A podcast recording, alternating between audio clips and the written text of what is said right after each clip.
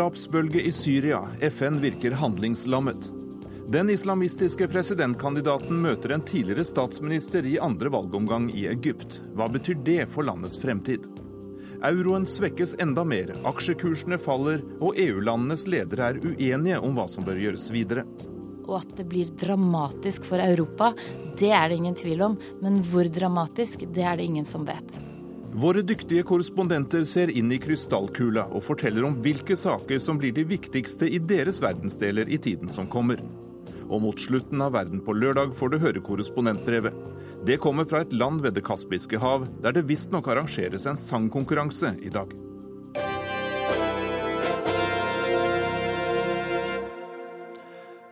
Første tema i denne utgaven av Verden på lørdag er Syria. Det kommer nå rapporter om at minst 90 mennesker har blitt drept det siste døgnet i nærheten av byen Homs.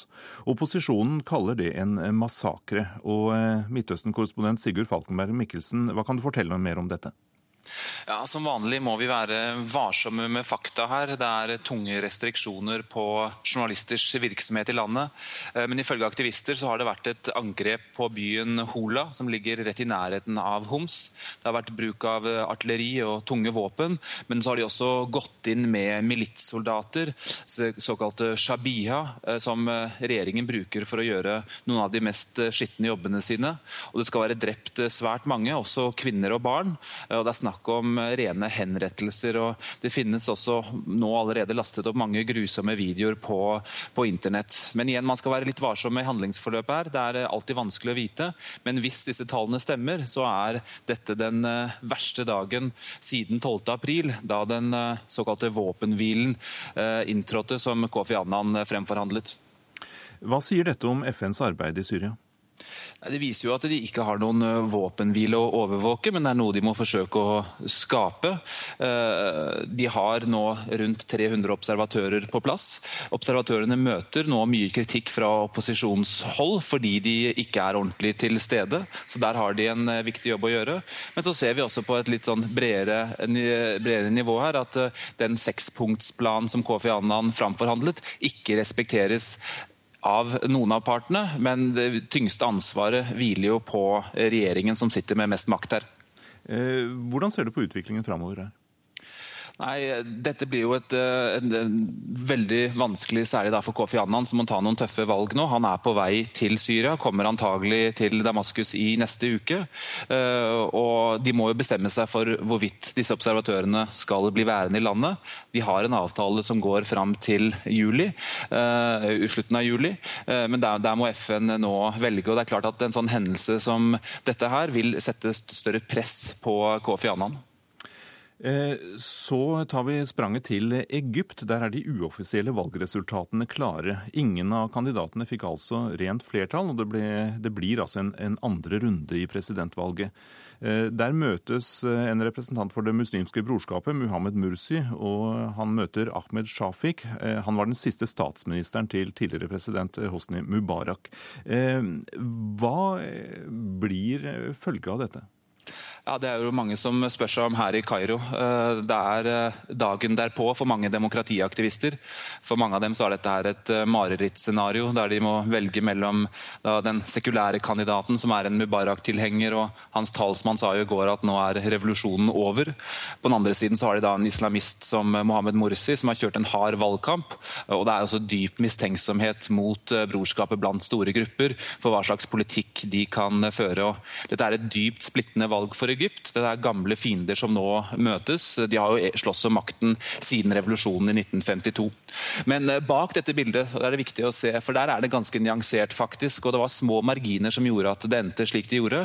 Vi ser f.eks. da den venstreaktivisten Hamdin Sabahi gjør et kanonvalg med over 20% av stemmene, og var jo helt nære på å gå videre. Eh, du har laget en reportasje til oss, vi skal høre på den. Saladin Zaid har drevet sitt lille apotek i 20 år. Det ligger ved en av de støyende, støvete gatene i al-Ham, en by i den østre delen av Nildelta. Som mange her i byen støtter Zaid, det muslimske brorskapet. Usually uh, participate in every uh, activities uh, with people hand by hand, and they uh, uh, they uh, help uh, people to uh, live uh, in uh, a good manner. Uh, De deltar i alt som skjer her. De hjelper folk til å leve skikkelig og gir hjelp til fattigfolk, forteller han. På disken hans, ved siden av medikamenter av alle slag, ligger en valgbrosjyre med bilde av brorskapets kandidat Mohammed Morsi. Det er ikke han som person, men brorskapet som organisasjon folk har stemt på her, virker det som. Uh, I think that there is a big change in their uh, activities after uh, revolu- after uh, after revolution, Thawra. Uh, because uh, Jeg syns det er en stor forandring i måten de oppfører seg på siden revolusjonen. De er mer åpne enn før for andre ideer, mener Zaid. Det er det mange som er uenig med ham i. Morsi har kjørt en hard, høyrevridd valgkamp og framtonet det religiøse budskapet mye sterkere enn tidligere. Det har vært mer snakk om sharia og islam enn frihet og revolusjon og økonomisk framskritt. Det er også misnøye i Egypt med måten brorskapet har håndtert sitt flertall i parlamentet på. Men altså ikke nok til å støte fra seg folk som Zaid. Tvert imot. Uh, and uh, Morsi becomes president, what do you think will uh? I think uh, that he, he because I, I saw the, the last in uh, Ikhwan uh, become more uh, open-minded. I think that he will uh, give a hand to all other uh, uh, or other ideas of the of the country to build this country. I think that if he if he doesn't make that. Uh, uh, Siden de har blitt mer åpne, tror jeg de kommer til å ta opp i seg andres ideer for å bygge dette landet. Hvis ikke de gjør det, blir det et problem, sier han. Sceneskifte. Fra den egyptiske landsbygda flytter vi oss til Zemalek i Kairo, den gamle overklassebydelen. Her står folk i ordnede køer i en skyggefull allé. Det er nesten ikke kvinner i hijab å se, i motsetning til resten av landet hvor klesplagget er normen, og bare de kristne kvinnene går utildekket. En av dem som stemmer, er Jihana Sadat, datter av Anwar Sadat, som ble drept av islamister i 1981. Han hadde inngått en fredsavtale med Israel. Hun sier først hun er glad for å stemme, men modererer seg deretter. Now I don't. I'm not. I'm not really happy. Maybe later after uh, the results will be happy. But now, Why? I, I, I don't know. I don't. Because know. there's so much insecurity. insecurity. We're, we're all worried, and I hope after this voting, uh, we'll, we'll know what what's going to happen. So. Jeg er ikke lykkelig nå. Vi er alle urolige. Det er mye usikkerhet. Og vi håper vi vet hva som vil skje etter dette valget, sier hun.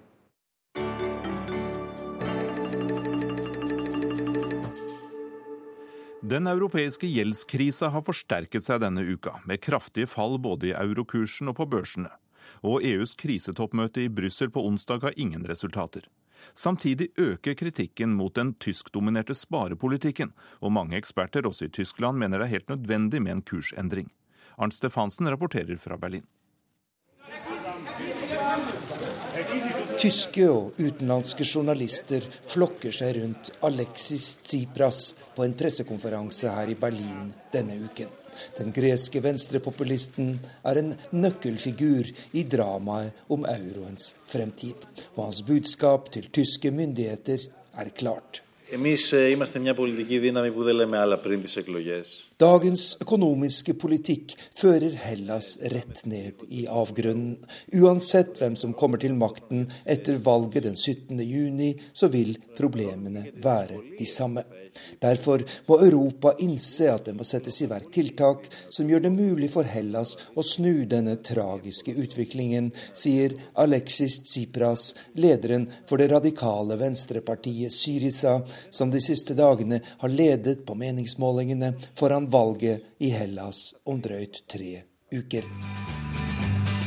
Morgen, Kinder, wird's nichts geben, müsst erst unsere Schulden zahlen. I morgen får dere ingenting, barn. Nå må vi betale gjelda vår, lyder teksten i denne barnesangen som fleiper med den tyske regjeringens økonomiske politikk. Og mange europeere vil kjenne seg igjen i sangen. En beinhard sparepolitikk har vært EUs svar på den europeiske gjeldskrisa. I tillegg satser man på såkalte strukturreformer, der produktiviteten skal økes og byråkratiet forenkles. Men dette tar altfor lang tid, sier forsker Christian Dreger ved det tyske institutt for økonomiforskning her i Berlin. Äh, kurzfristig äh, ist es so, äh, dass es eher negative Effekte gibt. På kort sikt har disse reformene en negativ virkning på økonomien. Vi ser det aller tydeligst i Hellas, der økonomien falt med 7% i fjor. Når man kutter overalt i samfunnet, blir det selvsagt ingen vekst, og det kan man sikkert tåle i en kort periode. Men når man nå snakker om mange år, kanskje opptil et tiår, så er det klart at denne planen ikke vil lykkes. Det må gjøres noe raskt for å skape vekst og arbeidsplasser, og jeg tror alle nå er i ferd med å innse dette. Spørsmålet er hvordan man skal gjøre det, sier økonomieksperten. Voldsomme demonstrasjoner og en massiv kritikk mot nedskjæringene. Det har vært det greske svaret på EUs politikk. Men her i Tyskland har det vært liten forståelse for grekernes holdning, og den tyskledede sparepolitikken har fortsatt meget stor oppslutning. Men de siste ukene har stadig flere tyskere tatt til orde for en viss kursendring, og en liten rundspørring på gata her i Berlin bekrefter dette man vet ganske genau, dass man es Jeg tror vel at vi innerst inne har visst hele tiden at vi må gjøre noe mer enn bare å be folk om å kutte utgifter, sier Günther Hirt fra Hamburg, som tilbringer noen fridager her i den tyske hovedstaden. Men det har vært viktig å fortelle grekere og andre søreuropeere at de har levd over evne og må ta et krafttak for å bringe orden i eget hus. Når dette nå er blitt klart for alle, mener jeg tiden er inne for å komme dem mer i møte, sier han. For mange kan det være vanskelig å forstå det politiske og økonomiske spillet rundt euroen. Men for mange grekere er trusselen svært konkret. Oliventrær beskjæres i den lille landsbyen Kefalas i Hellas. Trærne må passes godt på for å gi førsteklasses oliven. Og oliven er landsbyens livsnerve. Nå frykter mange at det vil bli en katastrofe om Hellas går ut av eurosamarbeidet. Η ασφάλειά μου, τα παιδιά μου, η οικογένειά μου, η επιβίωσή μου γενικότερα πόσο δύσκολα θα είναι τα πράγματα, πού θα φτάσουν. Δεν μας έχει ξανατύχει, δεν ξέρουμε. Jeg tenker på familien min, på barna våre, og på hvor vanskelig det kan bli, og hvordan vi skal klare oss i en slik situasjon, sier Spiros Kyriakolias. Han er en av mange bønder som er avhengig av den lokale olivenfabrikken. Fabrikken ble startet av 36 bønder da Hellas ble med i eurosonen. De fikk et bidrag på 400 000 euro, eller litt over 3 millioner kroner for å komme i gang. Selskapet har blitt en suksess, mye takket være samarbeidet med andre EU-land. Grønne flasker med ekstra virgin olivenolje sendes ut fra den lokale fabrikken. Flaskene er importert fra Italia, mens gjødsel er kjøpt inn fra Tyskland. De lokale bøndene frykter at innkjøpskostnadene vil fyke i været hvis Hellas går tilbake til den gamle valutaen drakmer, som vil være veldig lite verdt i forhold til euroen som de betaler med i dag. Eh, θα ήταν να σταματήσει η παραγωγή προϊόντων και κατά συνέπεια να σταματήσει και η λειτουργία της επιχείρησης. Det verste scenario er at hele produksjonen stopper, og at selskapet må legges ned. Det vil bety at vi vil bli satt mange år tilbake, og at alt arbeidet vårt har vært forgjeves, sier Fanis Blakolias, en av sjefene i selskapet.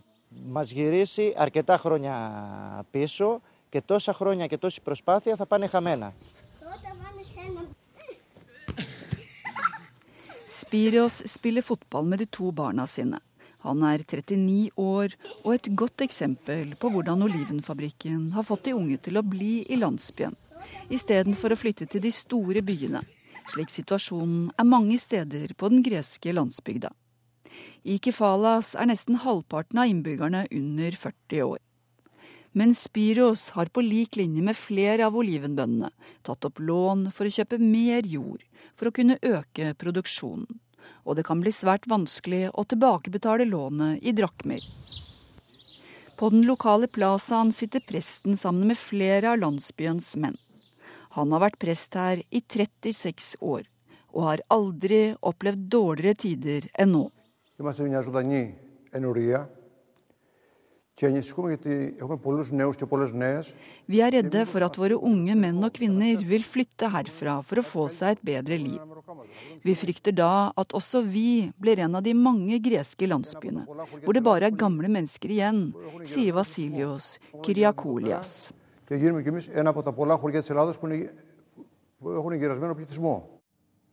Reporter Inger Marit Kolstad Bråten. Denne uka er nesten alle NRKs korrespondenter hjemme i Norge på et årlig møte. De kommer derfor nå på rekke og rad til studio for å fortelle om hvilke saker som blir de viktigste på deres område i tida som kommer. Først ut er du, europakorrespondent Hegemo Eriksen. Ja, det er eh, en veldig dramatisk tid i Europa akkurat nå, ikke minst i eurosonen. Og det som kan bli skjebnesvangert, er at grekerne nå skal gå til valg 17.6. Dette blir i eh, stor grad et valg for eller mot eh, euroen. Dersom mindre, mer radikale partier vinner frem i Hellas, så kan altså EUs e sparepakke stå i fare. Og det kan i verste instans føre til at Hellas ryker ut av eurosonen. Hvordan vurderer du faren for at eh, problemet skal spre seg til eh, mange andre europeiske land? Ja, dette er jo det alle lurer på. Eh, dersom Hellas sier nei til å gå med på EUs krav, så er risikoen veldig stor for at eh, Hellas selv må ut av eurosonen. Det finnes i dag ingen regler som regulerer dette.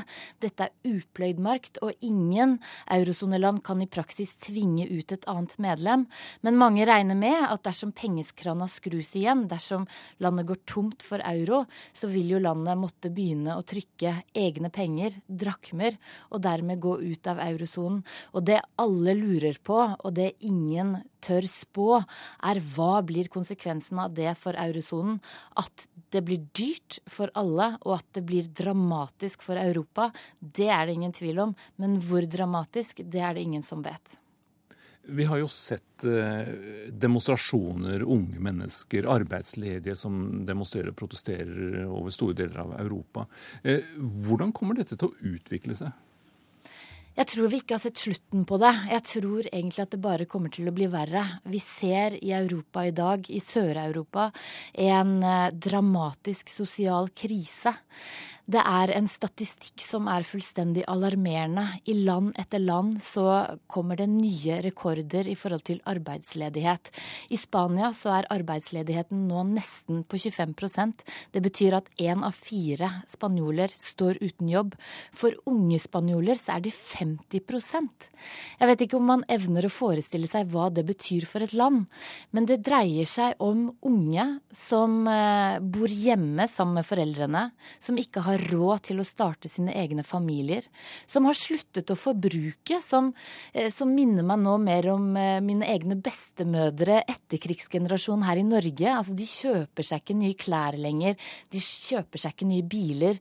Eh, de har sluttet å gå ut og spise, de har sluttet å reise, de har sluttet å hygge seg forbruksmessig sett.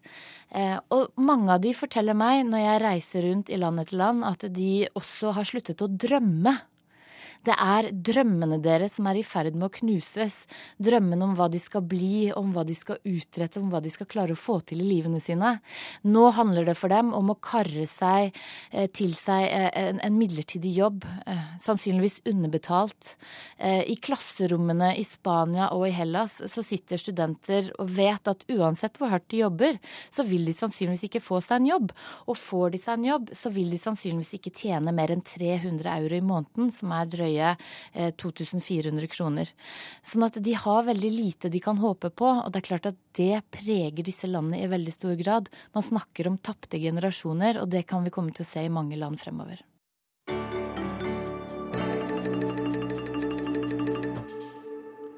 Så til Zimbabwe. I få andre land vekker nyvalg mer frykt enn i dette sørafrikanske landet. Landets president gjennom 32 år, Robert Mugabe, har sagt at han vil holde valg i løpet av året. Med det øker frykten for en ny voldsbølge. Robert Mugabe hilser FNs leder for menneskerettigheter velkommen til landet. Hun er der av én grunn å få presidenten til å holde sine soldater og paramilitære grupper i tøylene når det utlyses nyvalg. And I uh, commended the president for making a call that there should be no violence in, in the future elections and urged him to continue to make such calls. Jeg krevde at presidenten oppfordrer til en ikke-voldslinje under valget, sier Navi Pillai. FNs menneskerettighetssjef har ikke vært i landet siden valget i 2008. Det endte i et blodbad. Over 200 mennesker ble drept, og landsbyer brent ned som hevnaksjoner mot dem som hadde stemt på opposisjonskandidaten Morgan Svangirai. Han var den egentlige vinneren av valget, og ble selv fengslet og banket opp under valgkampen. Uh, election uh, and and uh. Vi håper at valget vil gå rett for seg uten bruk av vold, sier han. I dag sitter han som statsminister i en koalisjonsregjering, en løsning som ble meglet frem da Mugabe nektet å gå av. Well, we have a working relationship, as I've said before. We, we work together and, uh, and uh, we, we, we disagree where we disagree, but overall I think that we have worked together to ensure that the country is on the right track. Vi samarbeider, er uenige, men holder landet på rett spor, mener han. Det var ikke bare en politisk krise for fire år siden. Landet led under skyhøy inflasjon, matmangel og arbeidsledighet. Fortsatt er nærmere 90% uten arbeid, og dårlige avlinger gjør det vanskelig for folk å brødfø seg selv. Likevel beskrives situasjonen som bedre enn den var, men økonomien er skjør, og folk i Zimbabwe frykter at et valg kan kaste landet ut i en ny krise. De har også erfart at valget i Zimbabwe ikke betyr håp om bedre tider, men undertrykkelse, trusler og frykt. Morgan Svangirai tviler på at et valg nå vil være annerledes. Vi har vunnet valget. Spørsmålet er hvilke forhold som må på plass for at folk skal bli hørt neste gang. We still have to have a new constitution. We still have to have a new electoral act. Uh, we still have to ensure that there is no violence. Vi må ha en ny konstitusjon og valglov, og sikkerhet for at det ikke blir brukt vold. Datoen for valget er ennå ikke satt. FNs menneskerettighetssjef mente likevel det var tid for å komme med formaninger nå, og hun ble overbevist om at i hvert fall statsministeren har som mål at det går rett for seg. And uh. And his goal also is to have successful elections here. Reporter i denne saken var Åse Marit Befring. Og Afrikakorrespondent Lars Sigurd Sunna nå, hvilke saker tror du vil dominere din arbeidsdag i tiden som kommer? På kort sikt blir det vel å følge med og dekke sultkatastrofen som nå er under full utvikling i Sahel-området, altså landene rett sør for Sahara. Det blir en elendighet på linje med den vi så i fjor på Afrikas Horn, med flere hundre tusen som ble drept. Og, det ser veldig alvorlig ut nå for millioner av mennesker som er rammet av tørke i dette området. Det er det kanskje mest dramatiske på kort sikt sør for Sahara. Men Hvorfor gjør ikke verdenssamfunnet noe med det? Det gjentar seg? Det er en varslet katastrofe. Man vet at uh, regnet uteblir. Men det er et veldig vanskelig område å få inn hjelp i. Vi, Mali f.eks. med uh, borgerkrig, løsrivelse av tuaregene nord i landet. Og det er usikre forhold mange steder. Så, så her er det et veldig komplisert nødsarbeid som må settes inn. Men det må komme, og, vil sikkert etter hvert også komme på plass. Eh, det er mye snakk om økonomien i Afrika eh, for øyeblikket. Altså, det virker som noen land gjør det veldig bra økonomisk, har sterk framgang, andre gjør det dårlig. Hva, hva, er, det, hva er bildet? Det er jo oppløftende rapporter fra Det internasjonale pengefondet, fra Verdensbanken og forskjellige analysebyråer som viser en formidabel økonomisk vekst i en rekke afrikanske land. Men denne veksten forhindrer ikke at det blir stadig flere fattige mennesker i Afrika. Så man må ikke stirre seg blind på de makroøkonomiske tallene. Realiteten er at stadig flere afrikanere enten vil ligge på fattigdomsgrensen eller under den. Og dette vil skape store spenninger, særlig fordi man nå har fått en voksende middelklasse og overklasser som blafrer med rikdommen sin, iallfall i afrikansk sammenheng, med gullklokker og jaguarer og alt til faget fagenhørene. Og dette skaper spenninger, ikke minst blant unge afrikanere, som går ut i stort sett i arbeidsledighet og, og eh, ikke har noen muligheter for å få skikkelige jobber fremover. Og eh, parallelt med dette så ser vi jo da at eh, mobiltelefonbruken øker eksplosivt i Afrika. For 10-12 år siden så var det 5 millioner mobiltelefoner i Afrika. Nå er det mer enn 700 millioner. Ikke minst de unge bruker nå mobiltelefonene sine aktivt. Og, og det tvitres f.eks. mer i Kenya nå enn det har vært gjort i Egypt. Men hva vil dette føre til? Vi har ikke sett en afrikansk vårløsning ennå. Men den kan komme etter hvert som stadig flere millioner av unge afrikanere blir rasende over tingenes tilstand, og ser da hvordan enkelte har klart å komme seg om på og lever i overflod.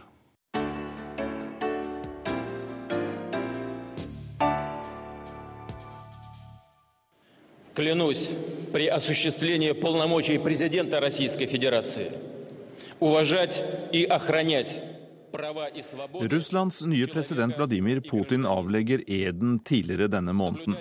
Nå som Putin har byttet plass med Dmitrij Medvedev, kommer det nå til å skje noe særlig spennende i Russland, Hans-Wilhelm Steinfeld?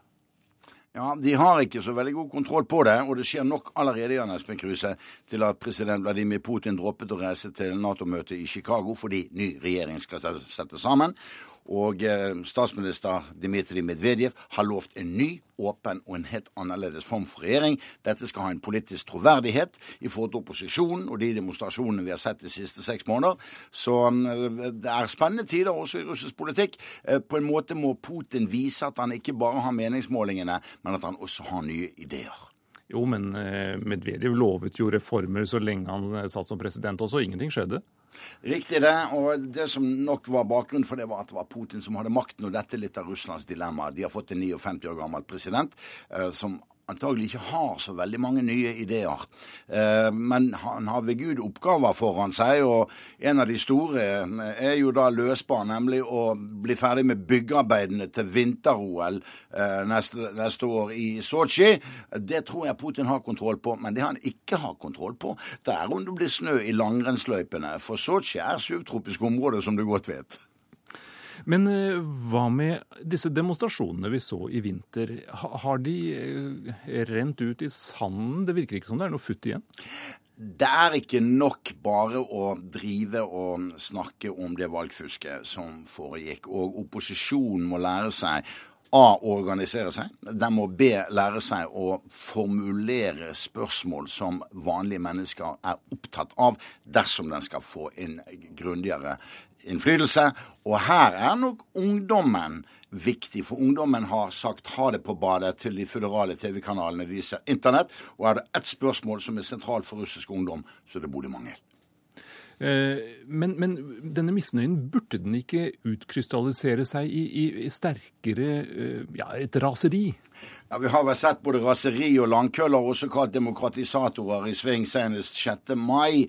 Ehm, men samtidig så ser vi misnøyen ytret på annet vis. Meningsmålinger viser at 55% av russerne ville utvandret hvis de kunne. Det store flertallet yngre russere yngre enn 24 år drømmer om at de var født i et mindre vesteuropeisk land. Ehm, så det er ikke så veldig stor eh, grunn til å feire denne valgseieren, som selv dissidentene innrømmer var reell. Putin strøk listen over 50% men han ble president. Men som en rådgiver for Medvedev sier, han heter Mamintov og er president i Svestia-gruppen, det holder ikke å komme tilbake som president for tredje gang hvis ikke du har nye ideer, og der er det mangelvare. Og det er vel også mangelvare i denne kampen mot korrupsjon som de snakker om eh, og ikke gjør noe med? Der må det komme utskiftninger i regjeringen, og de fleste ville vel se det som en skandale dersom politiets sjef, innenriksministeren, får fortsette, kanskje også Riksadvokaten.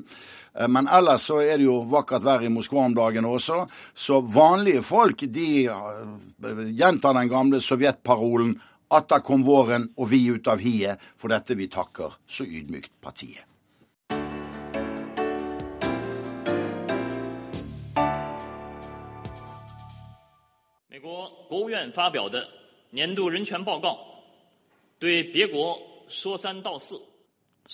En talsmann for det kinesiske utenriksdepartementet forsvarer Kinas rettigheter i Sør-Kina-havet. Men det er kanskje kinesisk innenrikspolitikk som vil dominere nyhetsbildet i tiden framover, Anders Magnus? Det er veldig rart å være i Kina, eh, fordi vi vet at det er en intens maktkamp under overflaten. Men den popper opp bare sånn noen få steder, sånn som f.eks. da medlemmet av politbyråets faste komité, Bo Xilai, ble sparket ut. Det var eh, liksom toppen av et sånn vulkanutbrudd som fortsetter under bakken. Og hva som blir resultatet av det når eh, det til høsten skal være eh, partikongress i kommunistpartiet, det er jeg veldig spent på. Denne partikongressen er jo veldig hemmelig.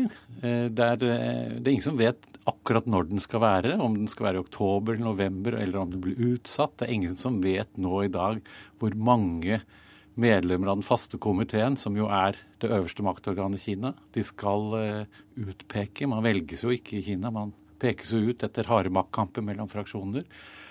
Og så vet man ikke hvem som blir topplederne. Det får vi vite på kongressens siste dag. Da stiller alle sammen opp. Fem minutter for pressen til avbilding. That's it. Det er liksom så forskjellig fra USA som man kan tenke seg. I hvilken retning går Kina da når det gjelder det politiske systemet? Blir det mer og mer hemmelig, eller, eller, eller er det en, en, ja, en oppmykning på gang? Det man tror dette kan være feil, men det de fleste tror nå, er at den liberale fløyen har fått et visst overtak den siste tiden. Ikke fordi at innstrammingene og, og undertrykkingen er det blitt noe mindre, snarere tvert imot. Det er blitt mye verre overfor opposisjonelle og også overfor oss i pressen. Men det sies at den liberale fløyen med statsminister Wen Xiaobao og president Hu Jintao i spissen har klart å utmanøvrere de verste eh, maoistene, kan man si. De er jo ikke maoister, da, men de som er mest venstreorienterte, som Bo Xilai var en representant for, og som også sikkerhetssjef Zhou Joe Yongkang eh, var medlem av. Han skal visstnok nå være satt på sidelinjen. Så hvis de klarer å opprettholde dette lille eh, overtaket som de har fått nå, helt fram mot partikongressen, så kan vi håpe på at det blir mer økonomiske reformer, i hvert fall, og kanskje også politiske reformer, slik statsminister Wejaba har tatt til orde for så mange ganger. Og da kan mye skje i Kina.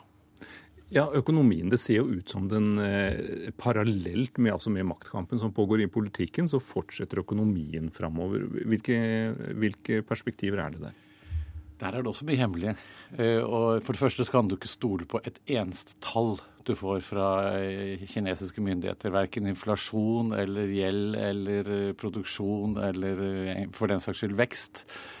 Det som skjer i Kina, er at de har bygget opp en voldsom gjeld, men den er internt i provinsene, og den er større enn USAs statsgjeld. Og Dessuten så har de jo sine papirer plassert uh, veldig mye i utlandet, f.eks.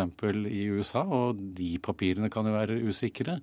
Så uh, Kina kan stå for en virkelig gjeldskrise, og samtidig kan de også stå for en boligboble som får hele uh, subprime-krisen i USA til å blekne. Hvis det virkelig slår til i Kina, så er det så mye større tall vi snakker om, og det kan få store virkninger ikke bare for Kina, men for Vest-Europa og for USA.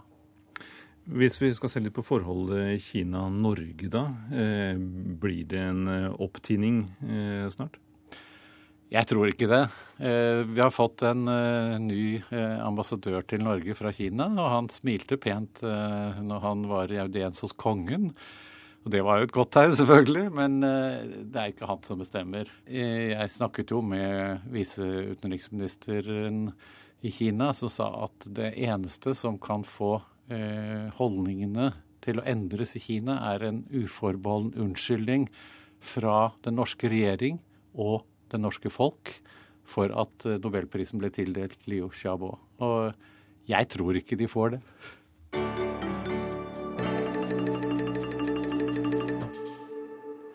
Mellom-Amerika er det farligste stedet i verden når man ser bort fra krigssoner. Men selv i Irak drepes det færre sivile per innbygger enn i Guatemala, Honduras og El Salvador. Det som er minst like alvorlig, er at nesten ingen blir dømt for disse mordene. Det forsøker nå en norskstøttet FN-kommisjon å gjøre noe med. A partir del atentado de las Torres los Estados Unidos fortalecieron su perímetro de seguridad, evitando que muchas organisaciones colombianas lograran poner cocaína en suelo de los Etter 36 år med borgerkrig skrev partene i Guatemala under en fredsavtale for 15 år siden. Men landet fikk aldri en reell sjanse. 11. september-angrepet på USA endret alt for Guatemala, sier Francisco de la Nese, costaricaneren som er leder for FN-kommisjonen CICIG, som betyr Den internasjonale kommisjonen mot straffefrihet i Guatemala. Etter terroren mot tvillingtårnene skjerpet amerikanske myndigheter grensekontrollene, så colombianske kokainkarteller måtte finne nye smuglerruter.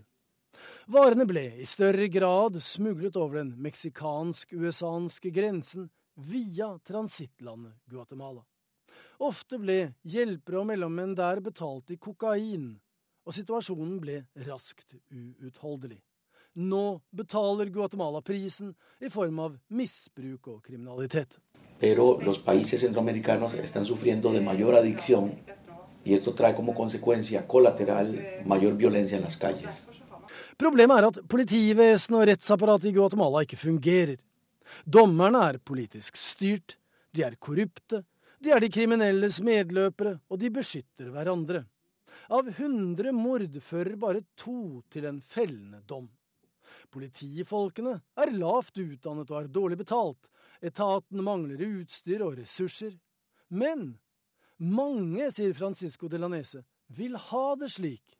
Mange nyrike guatemaltekere lever høyt på svarte penger og leiemord, der brysomme vitner ryddes av veien eller bare forsvinner. Det var derfor nødvendig for FN å prøve å stable på beina et system som både kan etterforske og prosedere en sak, slik at skyldige kan bli dømt. Francisco de la Nese, som leder CICIG, sier vi prøver bare å lære guatemaltekerne det som fungerer i andre land. Men Fafo-forsker Morten Bøås er skeptisk.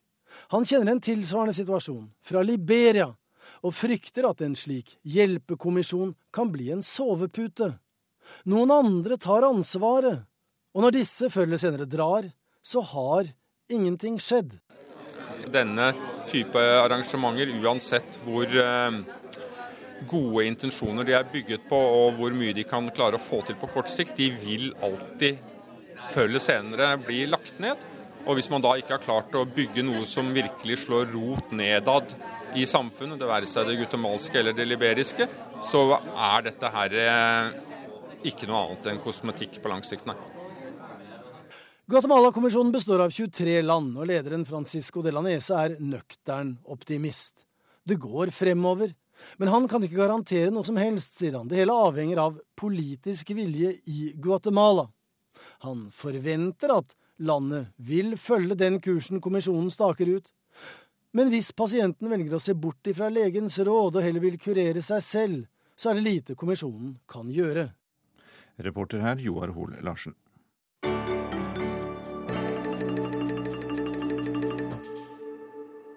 If every one of our small businesses added just two employees, Americans could pay more mortgages and buy more groceries and fill their gas tanks. Instead, sadly, President Obama has decided to attack success. Der hørte vi republikanernes presidentkandidat Mitt Romney i den pågående valgkampen. Og Washington-korrespondent Jon Gelius, det blir vel nesten bare valgkamp på deg i månedene som kommer? Ja, Det er jo det som er det helt overskyggende de neste månedene i USA. Og vi får jo en klar tilspissing av den amerikanske presidentvalgkampen nå i slutten av august, når da republikanerne holder sitt landsmøte og formelt velger utfordreren til Obama. Og Fra det tidspunktet så blir det holdt på å si, full gass fram til valget i begynnelsen av november. Men alle prøver jo å gjette nå, da. Obama vil han få periode nummer to. Mitt Romney vil han være en skikkelig utfordrer for ham?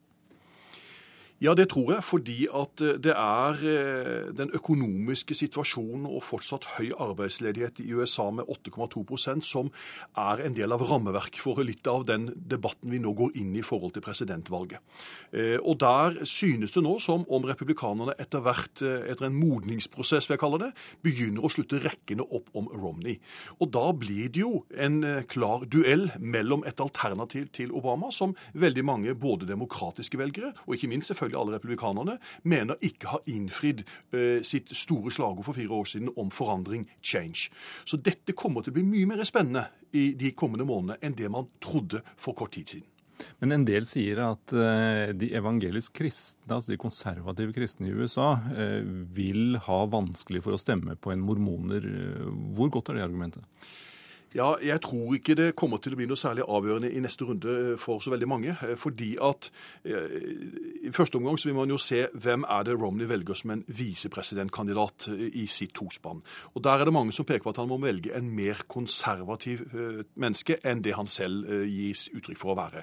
Nå har jo Romney selv sagt at han er konservativ nok. Og de kristne har jo på en måte ikke noe særlig annet alternativ på den republikanske siden enn støtte enten sin eget, eller så må de sitte hjemme. Og er det mange som sitter hjemme, så kan jo selvfølgelig ha en effekt. Men i utgangspunktet så virker det ikke som om hans mormonertilknytning har noen som helst eh, innvirkning på, på, på valget. Du nevnte dette med økonomien. Eh, hvordan er de økonomiske utsiktene? Altså Problemene henger ved USA. Eh, er det noe lysning? Ja, når Det spørs hvem du spør i Amerika. Når du snakker med noen av økonomisk, de som har ser inn i den økonomiske glasskulen, så mener de det har vært en viss forbedring. Når man kan jo se på arbeidsløsheten som én parameter, så ser du den har gått litt ned. Nå er den på 8,2. I forhold til den europeiske krisen så er jo det faktisk alt lavt for en del lands sammenligning. Eh, men på den økonomiske siden ellers så er det budsjettavtalene som er den store hodepinen for Obama-administrasjonen. Og vi vet at hvis ikke man får på plass en budsjettavtale nå, innen noen uker, så blir det både skatteøkninger og det blir også budsjettkutt. For det ligger premisser i fjorårets avtale. Og vi vet også at hvis den økonomiske situasjonen ikke bedrer seg vesentlig, at det blir f.eks. en budsjettavtale, så er USA nødt til å heve sitt eh, gjeldstak ved utgangen av dette året. Og da er man inne igjen i den onde økonomiske sirkelen. Da får man verken ned gjeldsbyrden sin, og man kan risikere, som man så i fjor, at man ikke klarer å betale for de regningene man har i USA. Og eh, hvordan dette slår ut i den politiske fasiten, den sitter du ikke på ennå? Nei, og jeg tør ikke å spå i det hele tatt om tør, utfallet. Tør du ikke gjette engang? Nei, i, i, dag tør jeg ikke det. Fordi jeg ser at meningsmålingene Nå er det langt fram eh, til, til 6.11., men jeg ser at meningsmålingene i dag de gir ikke noe entydig bilde.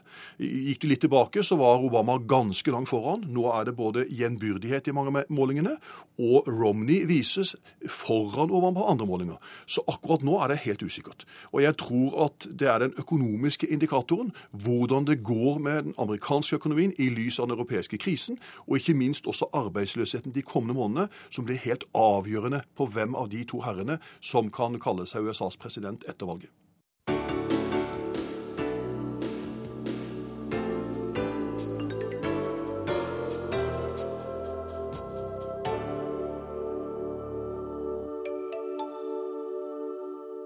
Dealing with deficits and getting growth are not alternatives, they go together. You need to do one in order to get the other. There was also good agreement that we need to make Storbritannias statsminister David Cameron uttalte seg etter at EU-lederne drøftet den økonomiske krisen denne uka.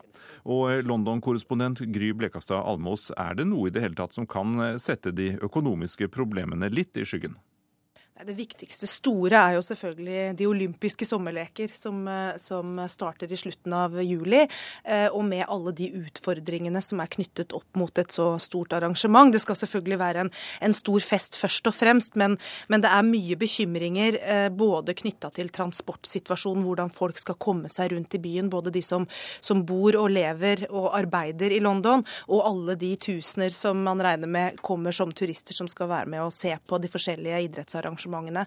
Og det er et, eh, allerede et dominerende tema i britiske medier, og det kommer det jo til å være fram mot uh, sommeren. Så det er kanskje den største enkeltsaken uh, jeg vil trekke frem. Og sikkerheten rundt det, kanskje? Ikke minst sikkerheten. En, en by som London, som er en eh, kjent eh, terrortruet by, hvor man da velger å ha et så stort arrangement. Det er klart at terrortrusselen eh, og sikkerhetssituasjonen er det veldig stort fokus på. Ehm, I Irland så skal det være folkeavstemning eh, rundt denne finanspakten og EU. Eh, hva vil du si om det? Ja, den kommer allerede neste uke. Irland er jo et av de landene som har fått kriselån fra EU. Eh, og Irland er det eneste landet i EU som nå velger å ratifisere denne avtalen gjennom en folkeavstemning. Dersom da folket sier ja. Og det er langt fra sikkert, fordi Irland har en historie hvor folket flere ganger før har sagt nei til EU-avtaler. Og det kan komme til å skje igjen, selv om det ser nå ut til på de siste målingene at ja-siden har et uh, overtak. Men uh, det er klart at det kan få alvorlige konsekvenser for Irland dersom de velger å si nei til denne avtalen. Men det kan også være et uh, veldig viktig signal til EU om at nok et land gir beskjed om at denne kuttpolitikken blir for streng. Irland har jo måttet tåle kraftige kutt, og, og det går jo utover folk flest. Og det er man lei av også i Irland. Eh, hva med britisk eh, politikk og økonomi? Ja, Britene er jo heldige, øh, syns de selv, veldig glad for at de ikke er en del av eurosamarbeidet, sånn som euroen utvikler seg. Eh, men samtidig så er de et EU-land, og de er jo veldig tett knytta opp mot de andre eurolandene eh, på veldig mange måter. Og det har jo også gått veldig hardt utover britisk økonomi, som, eh, som er i nedgang, i resesjon, og, og, ferske tall nå av denne uka som også viser at de, den går mer nedover enn det man har trodd tidligere. Eh, så det er en alvorlig økonomisk situasjon, og også veldig eh, strenge budsjettkutt eh, i britiske offentlige budsjetter, som igjen går utover folks lommebøker. Og det er store protester, i motsetning til hvordan det har vært i Irland, hvor ting har gått ganske stille for seg, så er det store protester fra folk. Og det er mye som beveger seg. Man ser jo også da i forhold til den politiske situasjonen en regjering og en statsminister nå som blir stadig mindre populær.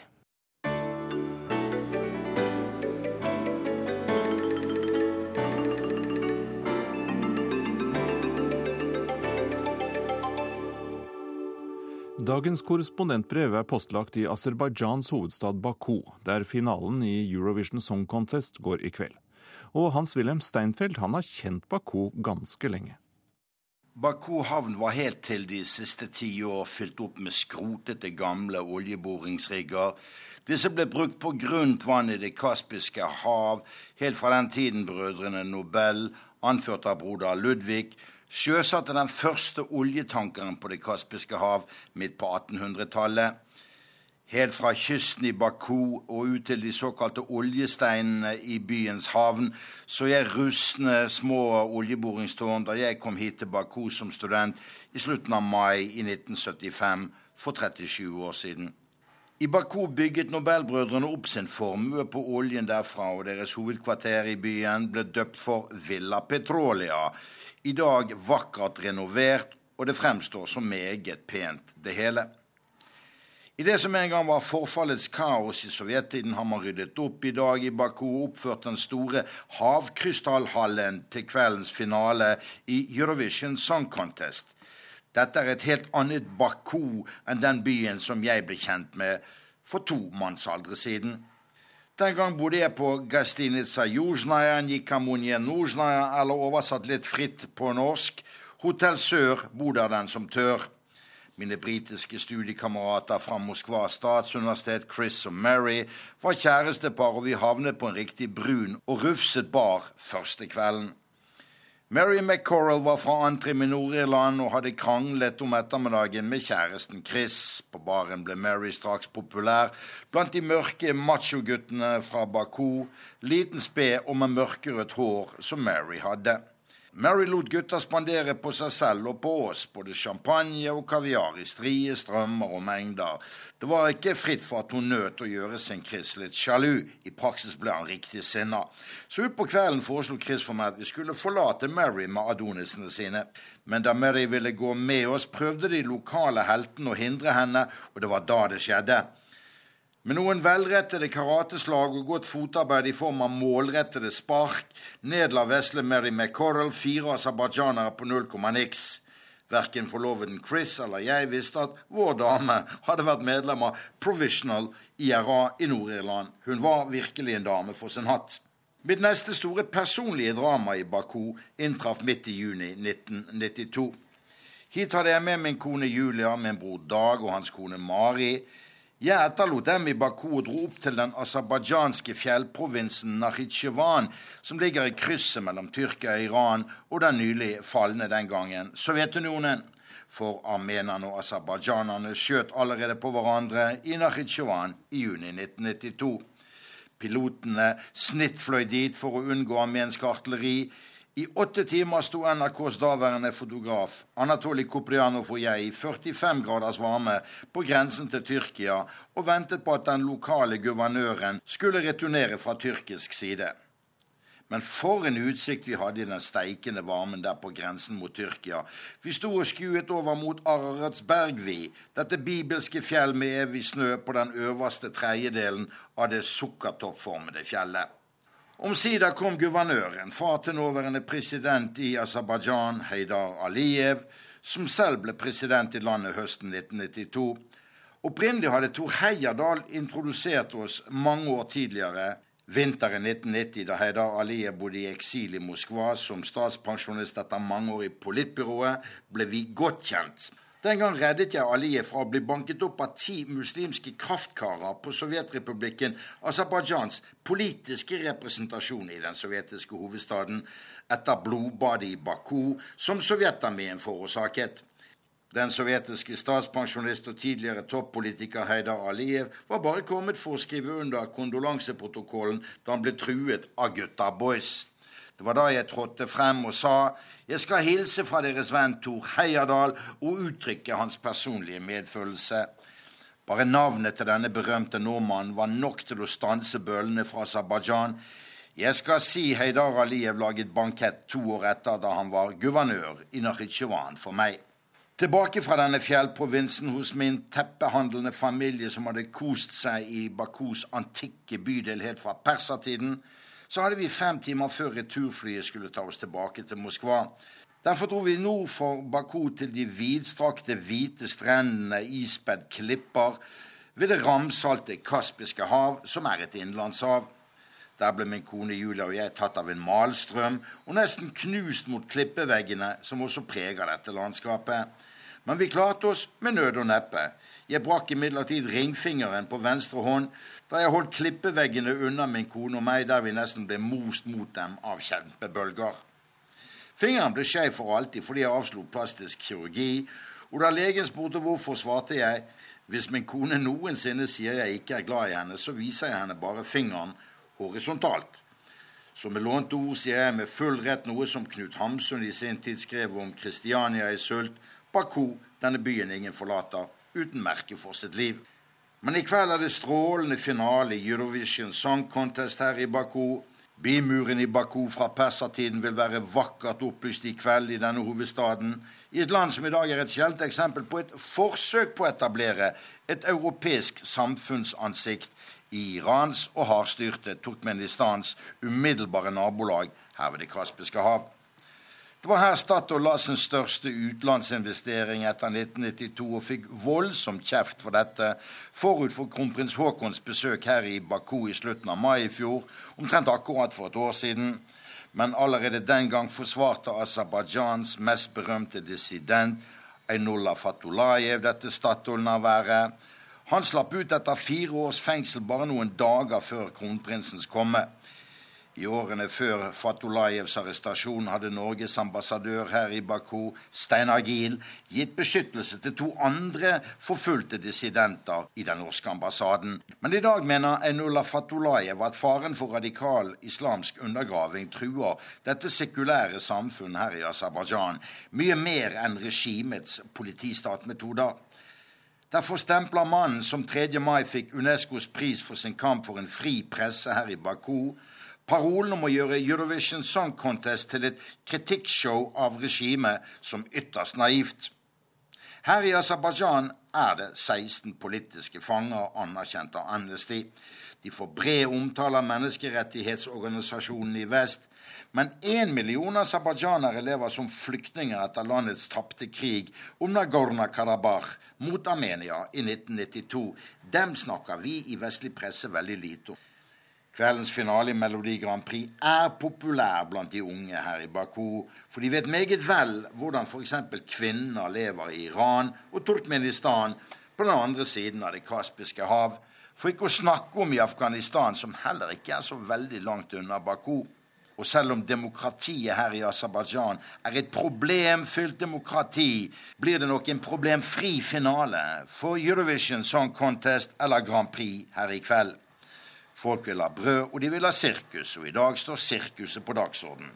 Hva så med det politiske sirkuset? Myndighetene her i Aserbajdsjan vil naturligvis utnytte Grand Prix til markedsføring av seg selv.